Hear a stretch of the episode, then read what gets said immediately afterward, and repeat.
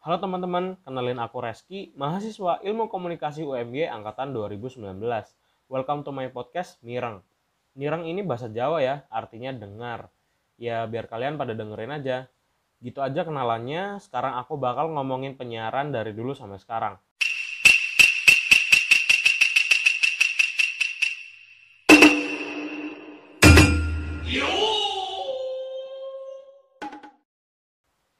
Jelas banget bedanya perkembangan teknologi dulu sama sekarang. Dulu masih pakai radio, cuma bisa didengerin doang. Habis itu baru ada TV, TV-nya TV tabung yang tebel. Ukuran layarnya masih pakai perbandingan 4 banding 3. Kata orang dulu, eh, listriknya itu pakai aki. Terus kalau akinya udah lemas, gambarnya jadi kecil. Ngasih banget kan ya, mana yang punya TV sekampung cuma satu. Terus sekarang TV-nya tuh udah lebar, pakai perbandingan 16 banding 9. Penyiaran dan siaran lahir berkat perkembangan teknologi elektronik yang diaplikasikan ke dalam bentuk teknologi komunikasi dan informasi. Selanjutnya, dibuatlah bentuk mekanisme komunikasi yang terhubung melalui suatu pemancar gelombang elektromagnetik oleh transmisi pemancar untuk diterima melalui receiver di TV dan radio.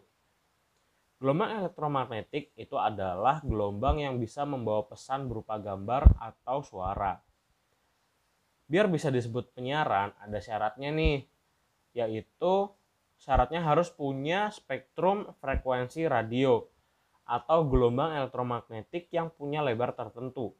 Harus punya pemancar alat penerima program acara siaran dan harus bisa diterima secara serentak. Kalau di TV nih ada standar penyiarannya. Ada NTSC, POL, dan SIKEM Nah, yang Indonesia pakai itu pakai POL, yaitu Phase Alternating by Line. Yang bedain mereka bertiga antara NTSC, POL, dan SIKEM adalah FPS atau frame per secondnya, garis setiap frame, dan frekuensi yang dipakai. Ya, sampai kita di ujung pertemuan. Terima kasih banget yang udah dengerin sampai sekarang. Bye.